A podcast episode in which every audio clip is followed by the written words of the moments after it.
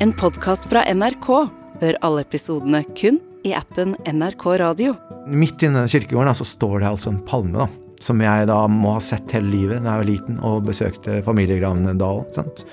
Pedro Carmona Alvarez er poet, han bor i Bergen, men akkurat nå er han i ferd med å ta oss med til en katolsk kirkegård i Chile, nærmere bestemt i byen La Serena, som familien hans kommer fra.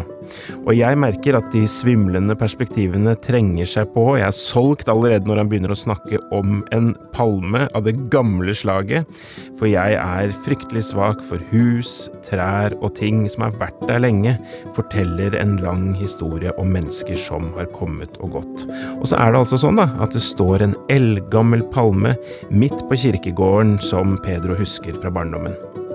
Og det var bare sånn å se en palme der, så man går jo alltid rundt og tenker på seg sjøl i livet. da, sant? Og sine, sine, døde og sin sorg og sine alt det der. Og så var det bare fint å liksom Akkurat som om noen bare vendte huet mitt og snudde det rundt. Og så Ja, men se på dette herfra, du, i stedet. Hva med den palmen, da? Hva, hva, tenker den, på en måte? Eller hvordan ser den på? Der kom han fyren der. Han var jo et barn bare for et sekund siden, med faren sin gående her. Det diktet inneholder vel liksom de fleste av de tingene som jeg har vært opptatt av i skrivinga. Liksom. Tid, hukommelse, generasjoner, liv og død.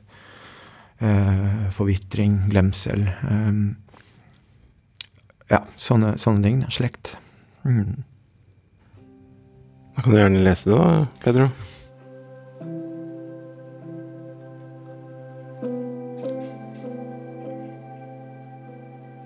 Noen planta en palme midt i en kirkegård en vinter lenge før de svære gravene sprakk, lenge før de som levde, begynte å glemme dem som hadde dødd, fint lagt ned i marmorkister.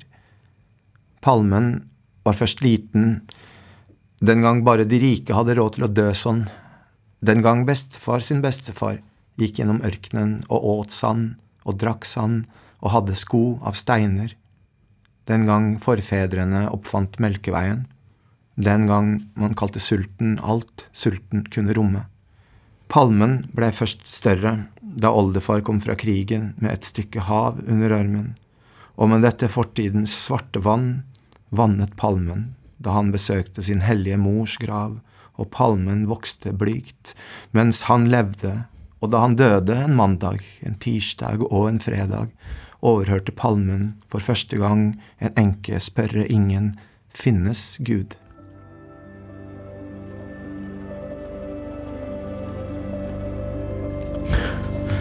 En enke spørre ingen finnes Gud, ja. Skal vi se, det var noe her. Du sa Melkeveien. Den gang forfedrene fant opp Melkeveien, var det det? Mm. Ja. Du skal langt tilbake i tid, da? Det er ofte litt sånne ting jeg liker å gjøre da, i, i poesien. At eh, liksom å forsøke å rive ned noen sånne helt åpenbare skiller da, mellom ting. Sant? Mellom de døde og de levende, mellom fortiden og nåtiden. Mellom det som huskes og som glemmes. Da vet vi at du, var, du har vært flere ganger på den kirkegården, men selve palmen, da? Du, hvordan, hvordan, ser du for deg den? Nei, det er jo, det er jo mange palmer, da, i, i, der jeg er fra.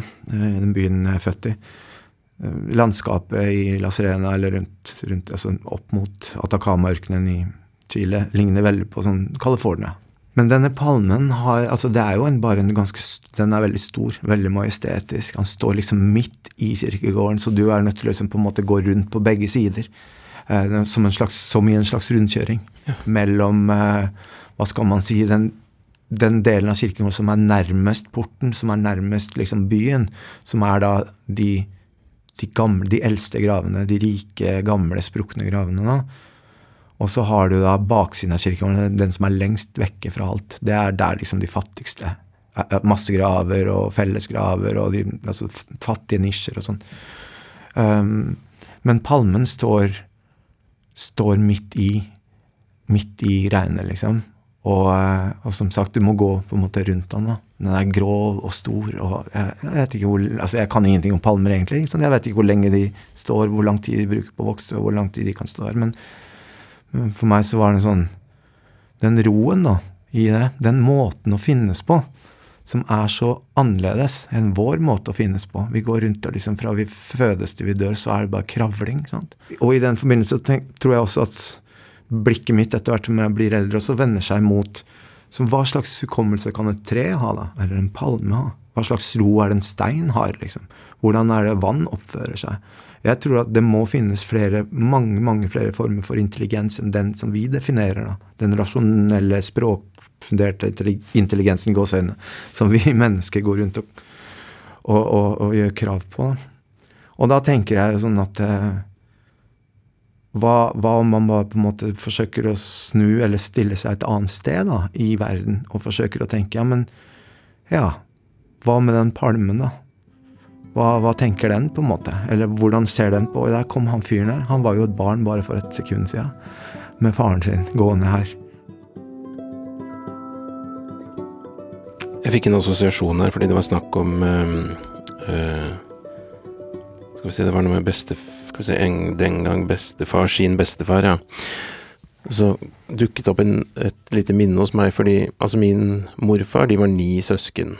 Og den yngste av disse søsknene, eller nest yngste, han drev et pensjonat med masse antikviteter og veldig overlesset uh, affære, men det var mye sånn familieselskaper som foregikk på dette Landsens pensjonatet. Og da jeg var uh, Og så var det en sånn stor spisesal der, med søyler. Og så husker jeg min morfar og jeg sto inntil en sånn søyle. Og så pekte han opp på veggen på et sånn portrett av en skjeggete mann i, i svart-hvitt. Eller grått og hvitt var det vel mer, det der falmede portrettet. Og så sa han ja, det der er min bestefar. Ja, dette er bestefar min, som han sa. Jeg husker det var helt svimlende for meg, for mm. den muligheten hadde jeg liksom ikke tenkt meg. Mm. At min gamle bestefar faktisk også hadde en bestefar. Mm. Det var ganske banal erkjennelse, men på en måte så føler jeg at verden liksom aldri ble den samme ja. etter den bitte lille episoden ved søylen der. Ja. Men, ja, men erkjennelse er kanskje banal fordi den er allmennmenneskelig, da. Men jeg tror de aller fleste har den nettopp Får nettopp det der en eller annen gang i løpet av liksom, tidlige åra, forhåpentligvis. hvor man liksom ser hva tid er. ikke sant? Hva man sjøl er, hva, hvor liten man er. Hva man er et resultat av, og hva, altså siste leddet i ting. sant? Um, det er jo en svimlende tanke, uh, selv om den er enkel å få øye på, fordi den er så åpenbar for oss mennesker. Men det er jo likevel um, en enorm kompleksitet i det å forholde seg til det. Ikke sant? En ting er altså, shit, tiden går, men liksom bare det å begynne å pirke i det. da, Hva er det? ikke sant? Hva er tid? Hvordan oppfører tiden seg? Hvordan oppfører vi oss inni tiden? Hvordan forvalter vi våre tidsavtrykk? Og så kan man jo tenke at eh, at det er vår jobb da, å prøve, prøve å holde blikket på det der lille. Det som føles helt uvesentlig. ikke sant? Mm. Eh, I, i, i, sånn som, eller det du nevnte der med din bestefar. ikke sant? Bestefars bestefar. Men alle familiene tror jeg har sånne liksom sånn, Ja, det er sånn um, Søstera til oldemor, ja, hun mista jo tre barn, ikke sant? Og så blir det en sånn, det er en setning som lever i familiehistorien. ikke sant? Men begynner man å gå inn i det, og begynner man å liksom empatisk nærme seg denne skjebnen, hva det betyr, og, så, og liksom gi, gi den lille knokkelen litt kjøtt på beina, så, så, finnes det jo traumer der. Det finnes en hel masse ting som lever videre i en slekt, f.eks. Um, så um, så ja, det er banalt og enkelt på en måte, men samtidig så er det noe av det mest eh, essensielle ved menneskeværet nå. Det at tiden går, og at glemselen står og venter på deg med åpne armer. liksom. Mm. Du kommer til å bli huska bitte litt, og så, så er du òg vekke.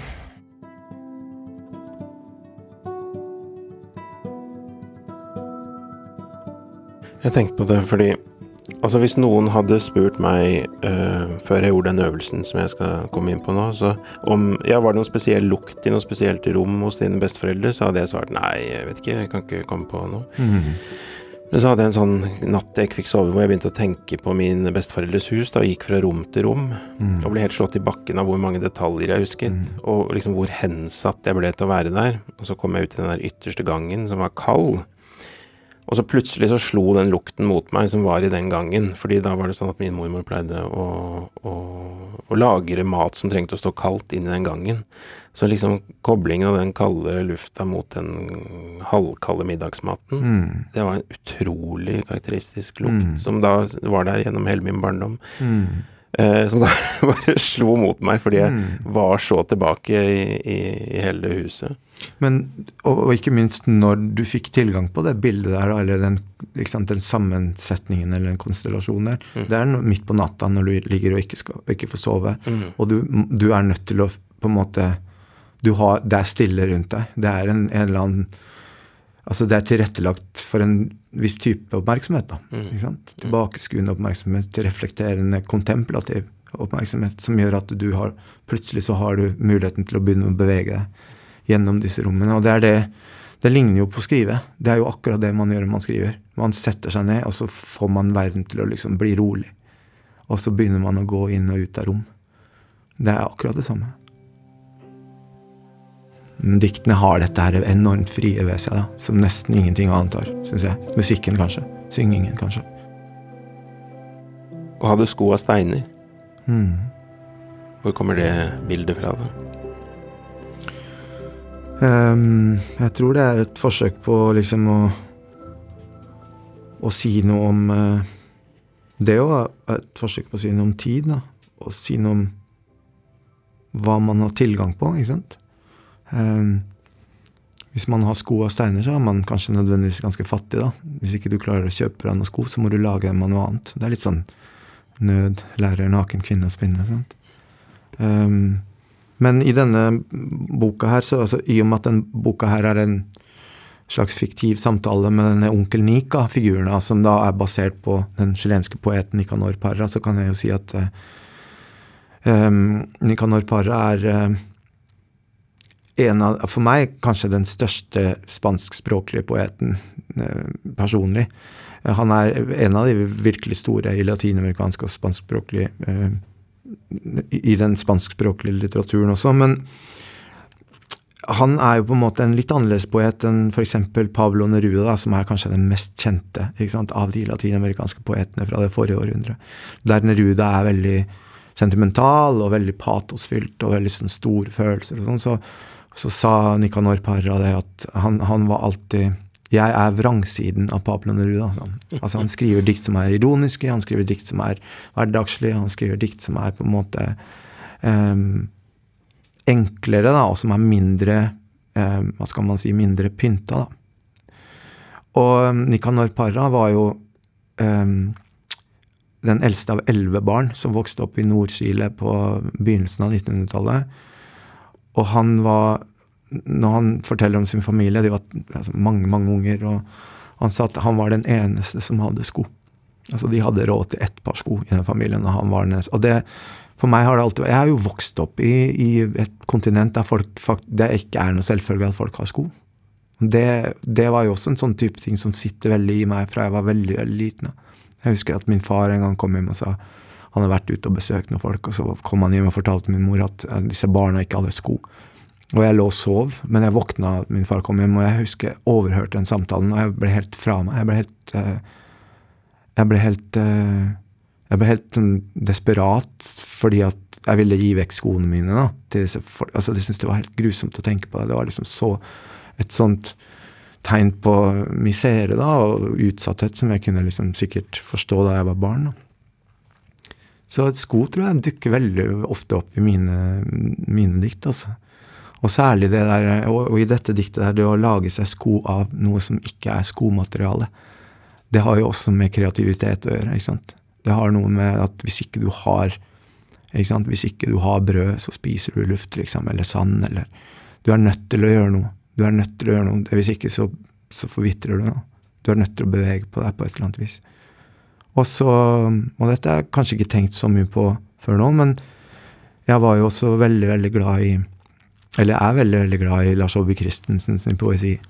Og det kanskje den poesien som var viktigst for meg i ungdommen, da jeg liksom rett etter at jeg lærte meg norsk og begynte å lese dikt og sånn. Saabye på den ene siden og Cohen på den andre siden, begge to. Men, men Saabye skriver jo veldig mye om sko. Um, og da jeg begynte å skrive dikt, så begynte jeg også å etterligne hans poesi i veldig stor grad. Så jeg skrev mye om sko og paraplyer og kofferter. Og så har paraplyen og koffertene forsvunnet, da, så er det kanskje bare skoene som er igjen. altså, dette med å skrive er jo mystisk, sant. Det er jo, det er jo Nå skal ikke jeg sånn, være sånn romantiserende på det, men det er jo en mystisk greie. Det er jo noe som på en måte Skrivingen ligner jo bønn. Det ligner eh, meditasjon. Det å skrive dikt eller lese dikt handler jo om, eh, om en slags form for tilstedeværelse, da, oppmerksomhetsretting. Sant? Og for oss som skriver de diktene, så er det det at skrivingen er jo statisk. Den, setningene står der. Men, men, det som på en måte har vært prosessen bak det diktet her, eller dikt, er jo at jeg går jo inn et sted, og så beveger jeg meg inni der. Og det er mulig å snu seg inn der. Det er mulig å se Hvis du ser på uh, palmen, så går det helt fint an å snu seg 880 grader rundt og se men hva på baksiden av palmen. da. For meg er det i hvert fall en sånn slags kosmisk trøst da, at det finnes en palme et eller annet sted som har sett en eller annen guttunge for 300-400 år siden. Eh, og som har merka berøringen fra den guttungens hånd, eller at det finnes steiner som er tusenvis av år gamle, som folk har sittet på med jevne mellomrom. Eh, jeg veit ikke hvorfor, men jeg syns i hvert fall det er en enorm trøst i, det, i den typen berøringer da, mellom ting som bare som, som, på en måte går rundt og finnes i forskjellige tider. Da. Så palmen er blitt en god venn. Mm. Tusen takk for at du kom, da, Pedro Carmona Alvarez. Takk for. Og, og ga trøst, faktisk.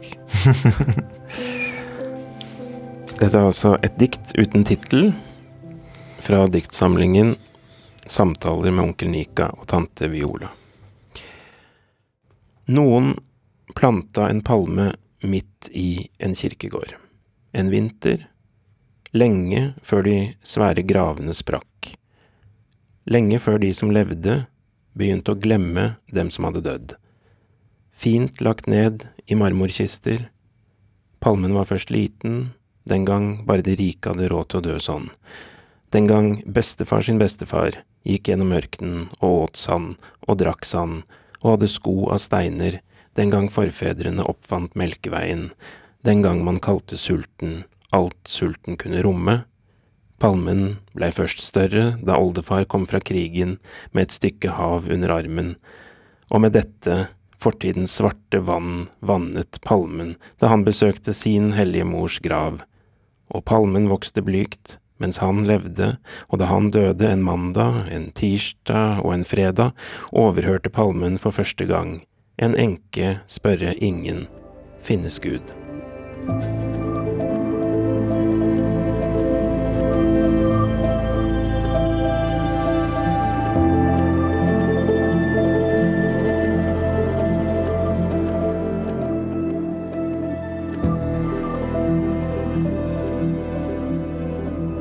Denne podkasten er laget av meg, Hans Olav Brenner, Kristine Lossius Torin, Kevin Kwong Nguyen og prosjektleder Janne Kjellberg.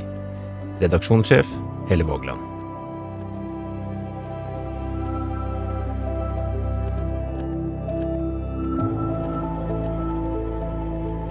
Hele historien. En podkast fra NRK. Er du der? Ja, jeg er Ja, det er krise. Det er noen som har tatt fra bussen og drept mange. To ganger, med ti års mellomrom, blir Valdresekspressen kapret. I kveld, bussjåføren og en passasjer på Valdresekspressen ble angrepet med kniv. Det er fryktelig brutalt. Veldig målrettet. Han hogger for å drepe. Knivdrapene på Valdresekspressen hører du i appen NRK Radio. Du har hørt en podkast fra NRK. Hør alle episodene kun i appen NRK Radio.